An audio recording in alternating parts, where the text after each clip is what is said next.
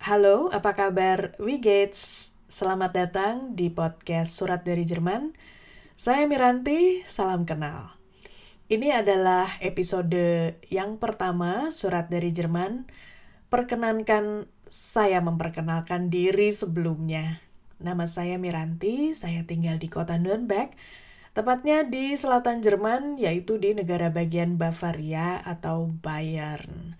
Kebetulan saya tinggal di Jerman sejak tahun 2014. Kenapa nama podcast ini Surat dari Jerman? Karena di samping podcast ini saya memiliki sebuah blog yang namanya Surat dari Jerman juga sejak tahun 2007 diharapkan kalau ada teman-teman yang kangen dengan tulisan saya, cie atau kangen sama saya, bisa langsung klik surat dari Jerman dan yang muncul di Google adalah blognya dan podcast ini. Tetapi sayangnya blog itu sudah uh, terbengkalai, mungkin sekitar lima tahun gitu nggak diisi apa-apa, sehingga saya simpan dulu untuk diperbaiki jadi statusnya under construction.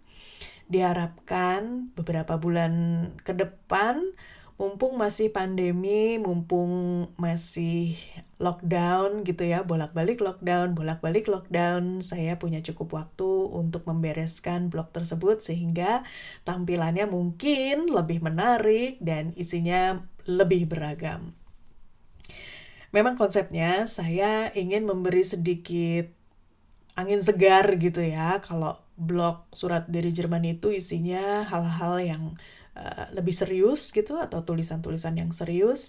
Tetapi di podcast ini saya kepengen membicarakan hal-hal yang berbeda. Saya ingin ngajak ngobrol teman-teman uh, asal Indonesia karena blog ini dan podcast ini dalam bahasa Indonesia tentu saja saya ingin uh, mengajak orang-orang yang berbahasa Indonesia untuk berbagi pengalaman mereka, hobi mereka, sekolah mereka, pekerjaan mereka, apa saja yang kiranya menarik untuk didengarkan dan dibagi kepada eh, teman-teman uh, pendengar sekalian. Mudah-mudahan sih menarik. Well, kita coba aja. Di episode yang pertama ini, misalnya, saya ingin ngobrol tentang sebuah film. Film horor. Kalau nggak horor, nggak seru lah ya. Film ini berjudul Veronica. Dan ini merupakan sebuah film Spanyol yang paling menarik dikatakan bahwa film ini berdasarkan true story atau kisah nyata. Film Veronica ini uh, publish pada Agustus 2017 di mana sutradaranya bernama Paco Plaza. Dan sebetulnya film ini bukan film abal-abal loh karena pernah di screen juga di Contemporary World Cinema Section pada Toronto International Film Festival 2017.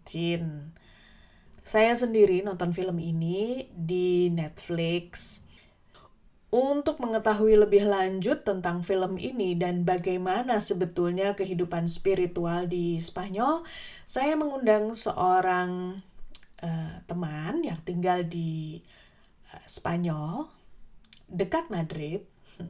Namanya Mbak Ajeng Pratiti. Mbak Ajeng ini tinggal di Spanyol sejak tahun 2010.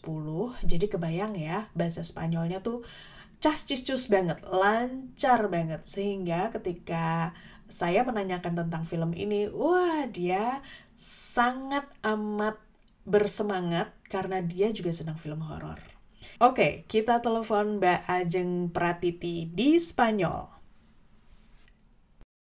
Dikatakan sebagai sebuah kisah nyata gitu ya. Terus buat Ajeng sendiri yang tinggal di Madrid, sebenarnya gimana sih ceritanya? Uh, jadi ceritanya sih, uh, jadi ceritanya lebih kayak berdasarkan dari kisah nyata, tapi bukan kisah nyata sepenuhnya karena uh, time frame-nya atau uh, apa namanya jalan ceritanya tuh beda banget gitu. Emang uh, kasusnya Veronica itu kan emang menurut film kan di Vallecas di daerah Madrid namanya Vallecas itu benar.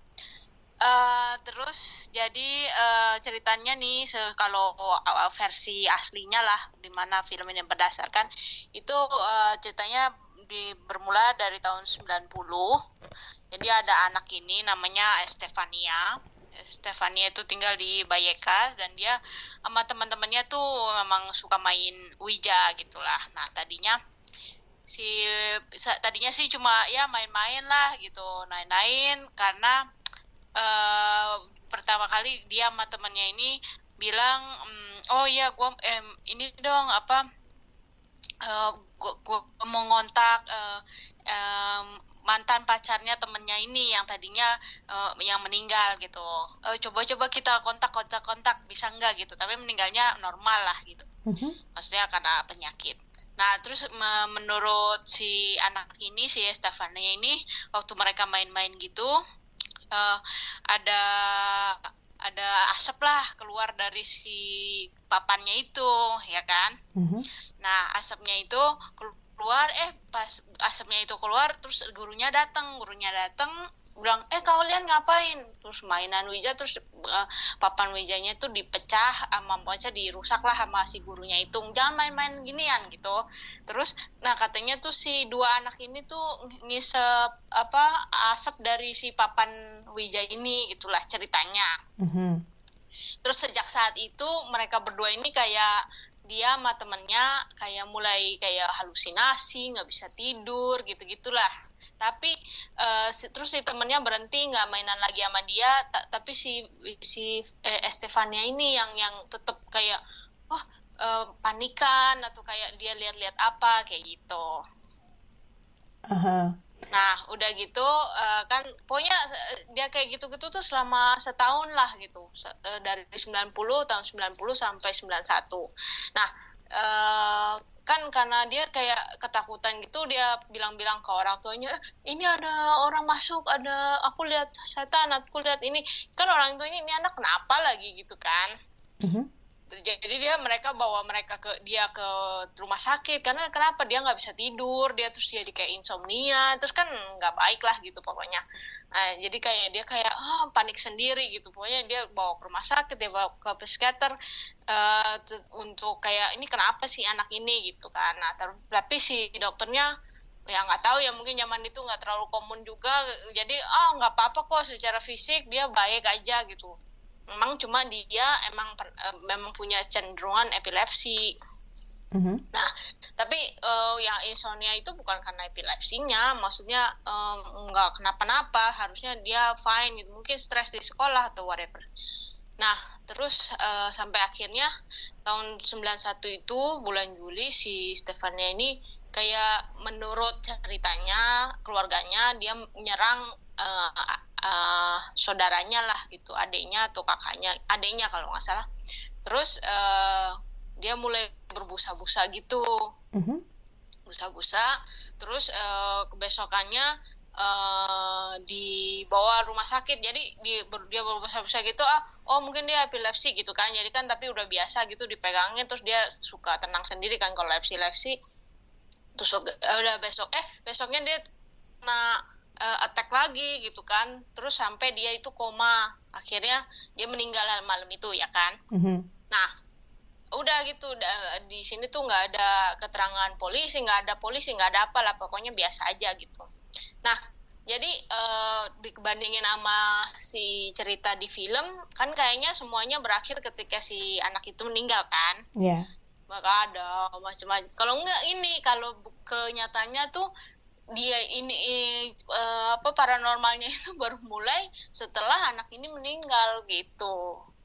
Itu bedanya di situ karena setelah setahun si F. Stefania ini meninggal uh, justru ibunya itu yang yang yang mengklaim oh rumahnya tuh tiba-tiba suka rusak apa jatuh atau ada salib kebalik atau uh, tiba-tiba foto keluarganya di kebakar mukanya doang gitu atau uh, adiknya kelempar ke uh, apa ke tembok gitu. Oh, jadi... jadi justru satu tahun setelah si Estefania itu meninggal.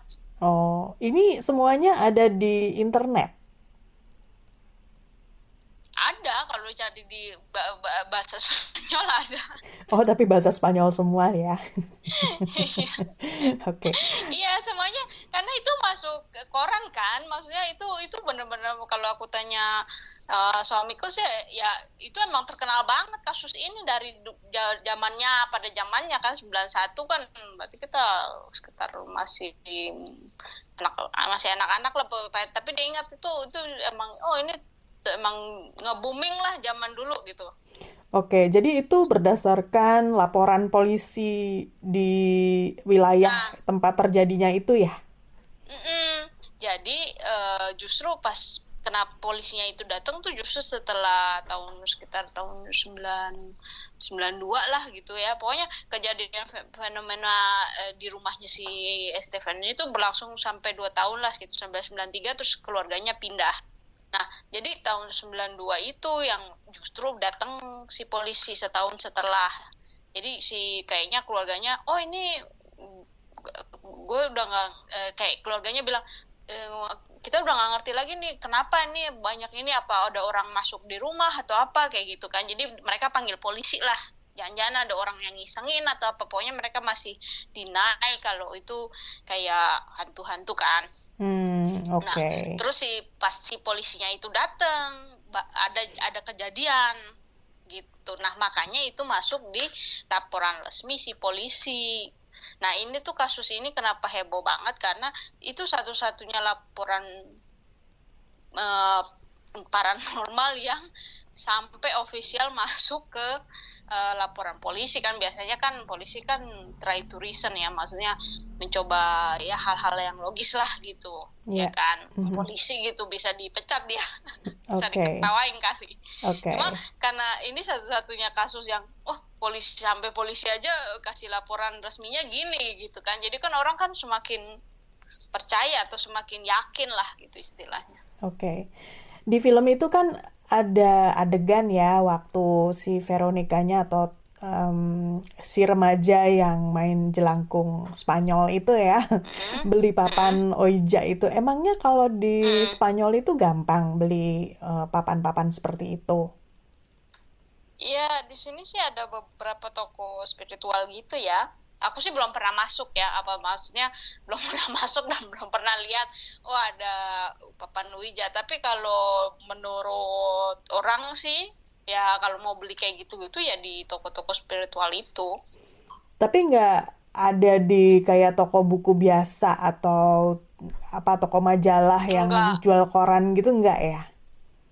Uh, kalau sekarang sih enggak ya, nggak tahu zaman dulu ya maksudnya mungkin semakin lama maksudnya kan aku baru datang di Spanyol kan 2010 jadi kurang tahu dari 20 tahun itu mungkin ada per, per, perbedaan culture atau mungkin zaman dulu orang lebih percaya atau lebih sering iseng-iseng main gitu kurang tahu juga kalau toko spiritual yang Ajeng bilang tadi tuh jualan apa aja sih? Hmm, biasanya sih mereka jual kayak kayak uh, apa sih? Hmm, uh, candles um, apa? Lilin. Lilin lilin gitu lilin lilin terus uh, kayak apa? Incense lah kayak bau-bauan gitu. Ada juga patung-patung atau herbal-herbal gitu juga. Kartu jadi kayak tarot kayak ke arah gitu ada kartu ya kayak ya ya kayak kartu tarot gitu-gitu. Hmm. tapi nggak maksudnya ini nggak mm, nggak yang spiritual kayak agama gitu ya mm-hmm. lebih kayak mungkin kalau kalau kalau di Indo kepercayaan lah gitu ya. Atau kalau di Amerika mungkin model-model yang di New Orleans atau hudu-hudu gitulah modelnya gitu. Jadi bukan kayak yang mungkin patung-patung santo santa gitu bukan. Tapi yang lebih kayak ke arah spiritual gitu. Atau Eh, kalung-kalung uh, atau kayak gitulah modelnya. Kayak oh. charm Oke. Okay. Apa sih namanya? Kalau charm itu pelindung apa jimat-jimat. Oke. Okay. ya. Nah, toko kayak gini di Madrid tuh banyak. atau di Spanyol? Ah, ada di mana ada beberapa aku tahu. Hmm, maksudnya cukup gampang, nggak kayak tersembunyi tersembunyi. Ada juga yang di daerah yang bagus juga ada kadang-kadang. Ah, dan ini ada di Cukup seluruh ada Spanyol yang... tuh ada di tiap kota di Spanyol ada. Ya hampir setiap kota besar ya kayaknya ada ya. Tapi kan masing-masing wilayah tuh dia punya uh, tradisinya sendiri lah gitu punya kepercayaannya sendiri. Ya samalah kayak di Indo gitu. Misalnya kita uh, percaya uh, percaya ada agama tertentu tapi kan deep down juga ada kulturalnya itu yang kita percayalah gitu. Ya kan? Maksudnya kultural kepercayaan dari budaya gitu. Mm -hmm. Okay. hmm, kalau di misalnya kalau misalnya di utara gitu dia lebih ke arah maksudnya lebih tradisinya Celtic Celtic kalau lebih ke selatan nanti dia beda lagi gitu. Oh gitu. Jadi antara uh, beda wilayah beda uh, ragamnya beda gitu ya? iya beda. Ya karena culture-nya kan berbeda. Kalau di ya kayak kayak ya Spanyol ini sebenarnya kayak di Indonesia aja gitu. Jadi dia mereka punya banyak culture yang emang lumayan besar kan negaranya di, di kalau di compare antara negara-negara Eropa yang lain. Jadi kulturnya juga cukup banyak gitu hmm. perbedaannya. Menarik banget ya tapi kayaknya kalau hal-hal ini kayaknya saya apa saya aja yang belum pernah ngebaca tentang hal ini ya. Ada dulu malah ada ada apa televisi eh, program TV lah gitu program TV bayar gitu maksudnya. Yang itu loh kayak uh, kalau di Indo mungkin Mama Loren ya. Apa sih? Oh ini ada jadi kayak, kayak ada channel yang fortune teller gitu loh fortune, fortune teller, teller. ya. oh uh, oke. okay. uh, ada yang terkenal banget orangnya. Jadi dia setiap jam 12 lah jam satu gitu ya. Maksudnya nggak ada yang nonton mungkin orang-orang iseng aja yang nonton kan. Terus bisa oh telepon gitu kan. Nanti dia nanya apa gitu. I see. Dan itu pasti ada yang nelfon? Ada. Ada. Banyak yang nelfon. Itu sampai jam berapa kira-kira program uh, kayak baca tarot atau peramal kayak gitu tuh di Spanyol? Mungkin sekitar sejaman ya mungkin. Soalnya ada beberapa cuma ada yang paling terkenal namanya dulu ya. Eh, sekarang sih kayaknya udah nggak ada deh. Uh, dulu tuh waktu aku awal-awal datang tuh kan suka tidur ini apaan sih? Terus suka aku kadang-kadang suka aku tonton gitu kan. Maksudnya sambil uh, menduga-duga dia ngomong apa karena pakai bahasa Spanyol kan. Terus jadi ada satu nih yang terkenal banget namanya Sa Sandro Sandro Rey gitulah dia. Mm -hmm dia apa suka ngeramal-ramal gitu. Cuma kayaknya sih eh, programnya dia tuh misalnya cuma sejam nanti ada lagi ganti lagi gitu. Orang lain. Oh. Maksudnya itu kan kayak bisnis ya. Maksudnya misalnya kan orang telepon teleponnya kan dia ngecharge dari harga telepon yang tinggi kan maksudnya. Okay. biaya telepon yang tinggi tuh. jadi klinik di Spanyol lumayan seru juga ya? Lumayan lumayan seru Oh, wow. Lumayan lah, banget. Menurutku sih lumayan. semakin ada, utara kayaknya semakin banyak. ada kisah-kisah kayak Ciledug gitu nggak? Cinta lewat dukun gitu ada nggak? Tapi mungkin orang lebih ke arah kayak kayak ramalan masa depan sih yang mungkin yang aku lihat paling ini ya konsultasi hidup atau kayak gitu dah pokoknya. Oh jadi yang kayak lebih, apa lucky charm lucky charm gitu uh, uh, aja uh, kayaknya gitu, ya. Oke. Iya, iya. Nggak sampai dead deep gitu. Tapi emang kalau masalah hantu sih di sini banyak. Maksudnya banyak cerita, banyak uh, budaya juga ya maksudnya. Kayak di Inggris gitu. Uh, Mm-hmm. Dibandingkan dengan kisah-kisah horor-horor Indonesia, serem mana? nggak tahu ya kalau aku sih mungkin lebih serem horor Indonesia mungkin karena mungkin karena waktu kecil apa nih genderuwo atau apa kan gitu lebih ngeri ya cuma kalau di sini oh biasanya mereka kan rata-rata hmm, kalau ada program TV gitu tentang hantu-hantu kan juga ada nih sini nih jadi ada paranormalnya di sini dia mereka punya asosiasi paranormal gitu juga Iya di sini terus jadi kalau ada acara TV gitu tentang acara TV-nya sih tentang misteri gitu. Mhm. Cuma eh, nggak semuanya tuh selalu ngomong tentang hantu, tapi kadang-kadang kalau dia ngerasa emang ada banyak laporan gitu orang yang kerja di gedung kan di sini kan banyak gedung-gedung tua ya, kastil-kastil gitu kan set banyak banget lah gitu. Mhm. Terus kadang-kadang kalau mereka tuh banyak laporan gitu ya, misalnya eh keliput dong ini gua ngala, eh, kita ngalamin ini, kita ngalamin ini. Biasanya mereka datang terus eh kenapa sih ini? Terus mereka pakai alat-alat gitu kan. Eh, alat-alat gitu terus tapi ada satu ibu-ibu nih jago banget dia ibu-ibunya sih biasa aja nggak kayak pakai mau nggak pakai bedandan bedandan aneh-aneh enggak bener-bener biasa aja gitu terus dia kayak kalau ngomong dan dia itu bisa ngomong sama si hantunya itu Oh my god. Terus?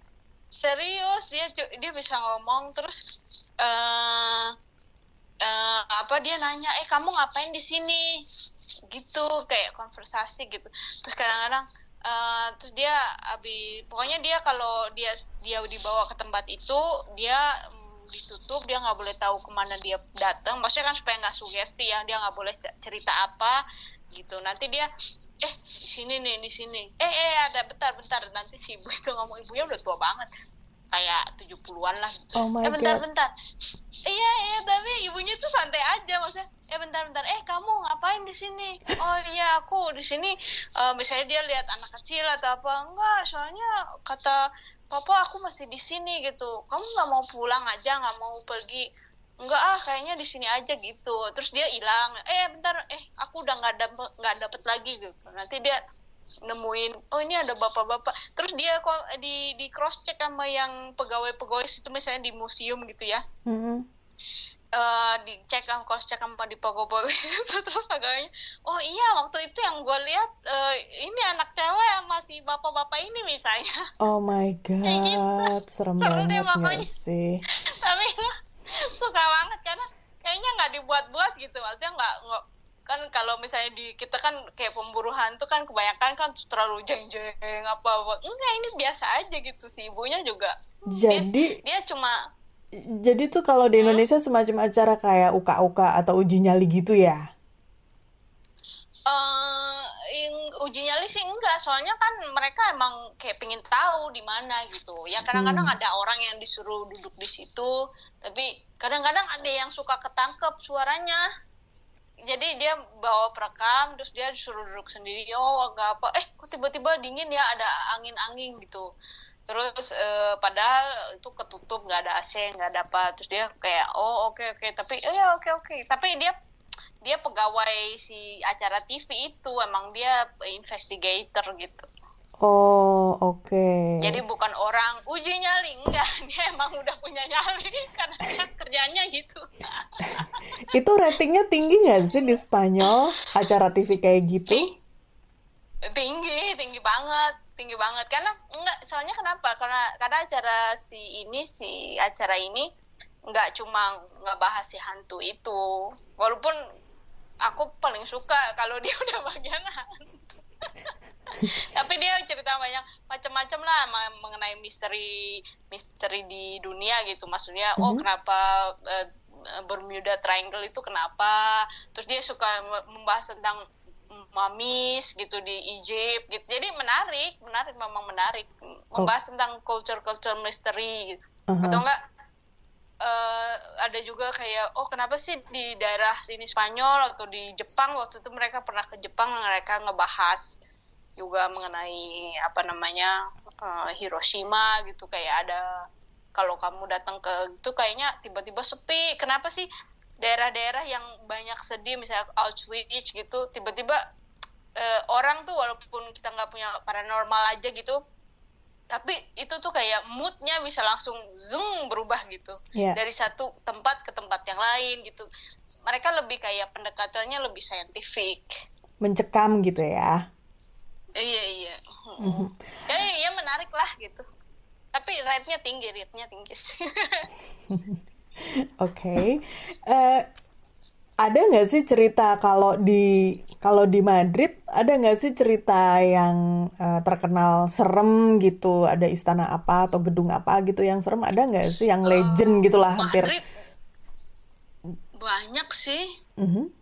Uh, satu salah satunya misalnya Plaza Mayor ya Plaza Mayor tahu tahu kan Mbak Miranti uh, Plaza Mayor iya alun-alun itu uh, ya ah yang alun-alun yang kotak yang sekelilingnya gedung-gedung gedung itu kan dari Sol nih misalnya kita di Sol tuh yang ada beruang yang ada kita nginjek-nginjek yang uh, titik nol Iya. Yeah. Kan kalau ke sana kan Plaza Mayor orang banyak restoran lah, banyak apa itu kan. Oke. Okay pokoknya the square lah the square of Madrid lah Plaza Mayor nah di situ kalau aku waktu itu pernah ikut ini apa uh, meet apa sih night night tour gitu kan ada yang scary tour gitu. Mm-hmm. si scary tour ini salah satunya adalah uh, si Plaza Mayor itu. Nah karena Plaza Mayor itu dulunya itu bawahnya penjara kan. Oh. Mm-mm, semuanya jadi penjara bawah tanah. Jadi e, banyak orang turis atau apa misalnya kan kalau kita ke restoran-restoran kuno gitu ya di Madrid bukan restorannya kuno cuma restoran itu pakai gedung kuno karena kan banyak.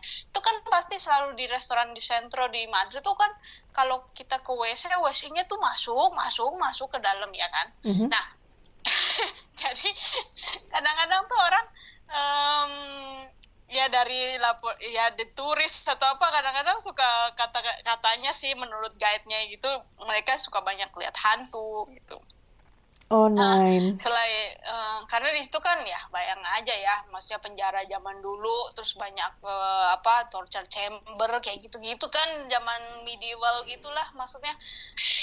Oh. Kita nggak tahu ya. Okay. Zaman dulu orang diapain. Jadi kalau di Madrid tuh ada ini kayak scary tour gitu, jadi kayak ghost ada, tour ada, yang malam gitu jalannya ya. Tour. Itu Jadi salah satu yang aku ingat sih itu Plaza Mayor. Ama satu lagi ada sekarang namanya Museum uh, Reina Sofia. Oh museum apa itu? Ya Museum Reina Sofia itu sekarang museum contemporary art. Mm -hmm. ya jadi tapi dulunya dia itu uh, uh, hospital war hospital lah gitu pada zamannya Oh. Uh, jadi waktu itu diganti jadi World Hospital itu diganti jadi museum yang jadi hospital terus sudah gitu kan sempat kosong karena ya there's no war hospital ini kayak hmm, hospital yang gede banget lah kalau buat emergency atau gak, gimana itu. Mm-hmm. Terus uh, dia sekarang uh, jadi waktu waktu dia renovasi nih mau jadi art museum itu itu banyak banyak pekerja banyak tukang konstruksi yang yang ya uh, antara mereka eh, nggak mau lagi ya gue kerja di sini. Oh. Atau ya pokoknya banyak penglihatan penglihatan lah termasuk pas udah jadi pun termasuk sekarang yang satpam satpam ini kadang-kadang suka lihat-lihat cuma katanya nggak terlalu ya udahlah lihat-lihat gitu aja nggak peduli lah dia gitu Oh wow, ini kayaknya kalau ada yang mau tanya uh, yang seru-seru gitu ya di Madrid kayaknya pada nanya Ajeng aja kali ya. ya itu karena aku sempat ngambil aja sekali tutorial. Kayaknya menarik nih uh, udah lama tinggal di Madrid iseng-iseng. Pengen tahu kan cerita kotanya seperti apa. Kebetulan ada tur itu menarik. Berapa tuturnya? turnya kayaknya waktu itu cuma 18 euro apa berapa? Ada ada dua tour yang kita bayar langsung. Kayaknya satu orang 8 euro apa 8, 18 euro kalau nggak salah. Or uh, ada yang free tour. Sekarang kan banyak tuh kayak free walking tour gitu. Mm -hmm. itu nah, jalan itu biasanya, kaki berapa jam kira-kira? uh, turnya biasanya sih dua jaman sih. Oke. Okay. lumayan juga lumayan Oke, dan banyak tempat yang dikunjungi ya. Jadi nggak maksudnya kan ada yang banyakkan jalannya daripada ngelihat site-nya. hmm, ya kalau menurutku sih ini banyak deh dikunjungi karena kan kalau Mbak tahu sentro kan dia emang ke mana-mana deket ya maksudnya dan ke mana-mana gedung tua ke mana-mana gereja ini ke mana-mana ini gedung apa oh ini bekas penjara kayak salah satu gedung uh, Ministry of Foreign Affairs salah satu gedungnya itu dulu bekas penjara. Oh. Iya, yang aku aku pernah masuk.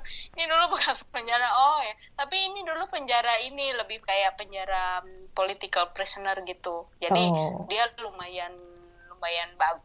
ya nggak bagus juga ya maksudnya karena ya kan zaman dulu ya maksudnya kan ya tetap aja kotor apa gitu tapi ya dia lebih kayak nggak di dungeon gitu loh yang kayak di Plaza Mayor kan dia dungeon banget Oke, jadi di bawahnya Plaza Mayor, balik lagi ke Plaza Mayor, di bawahnya Hmm. itu tuh kayak ada ruangan-ruangan dan jalan yang berliku-liku gitu ya? Iya, kalau kita masuk masuk deh ke salah satu whatever restoran di situ pasti di mana servisio gitu kan, maksudnya WC-nya di mana gitu. Pasti WC-nya itu atau bagian dia simpen-simpen barang tuh pasti dia turun turun kecil ganggang nggak jelas gitu. Aduh, ngeri bener. Ya. Oke, next time aku nggak akan makan di Plaza Mayor, mendingan cari tempat lain deh. kalau di, kalau dia makan kan bisa di teras ya kan di Plaza Mayornya sambil dengerin musik apa orang-orang itu kan nah, Iya. kan biasanya kan gitu Iya. cuma kan kalau udah ke WC eh, cepet-cepet itu susah Oke, ini tips dari Ajeng. Kalau ke Plaza Mayor. oh kalau mau ke WC mendingan ke supermarket atau ke ke apa namanya ke Department ke store. mall iya kayak El Corte Inglés Oke. pasti nggak dungeon pasti gedung baru Tips diterima. Eh, iya. Terus kan di sini kan juga banyak yang restoran, justru kan yang restoran fancy-fancy gitu kan mereka kayak di gua-gua gitu kan yang model model kayak zaman-zaman kuno gitu. Nah, yang kayak gitu-gitulah pokoknya.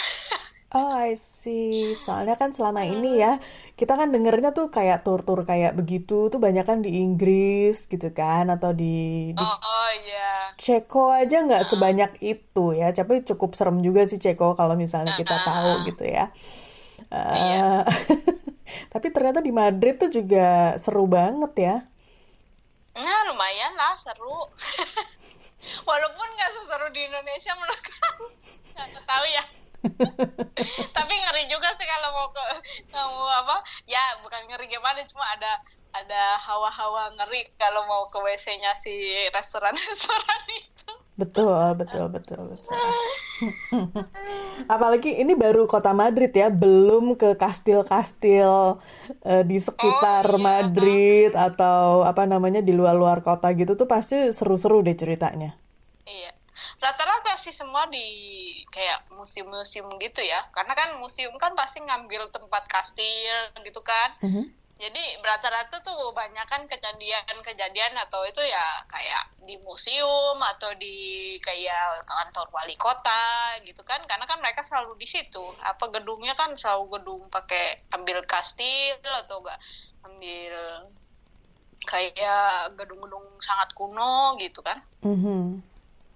Betul, betul, betul, betul, betul. Oke, baiklah Ajeng, terima kasih banget buat waktunya. Oke, ya sama-sama. Cobalah nanti kalau sudah dibuka ini pandeminya bisa tur bersama saya.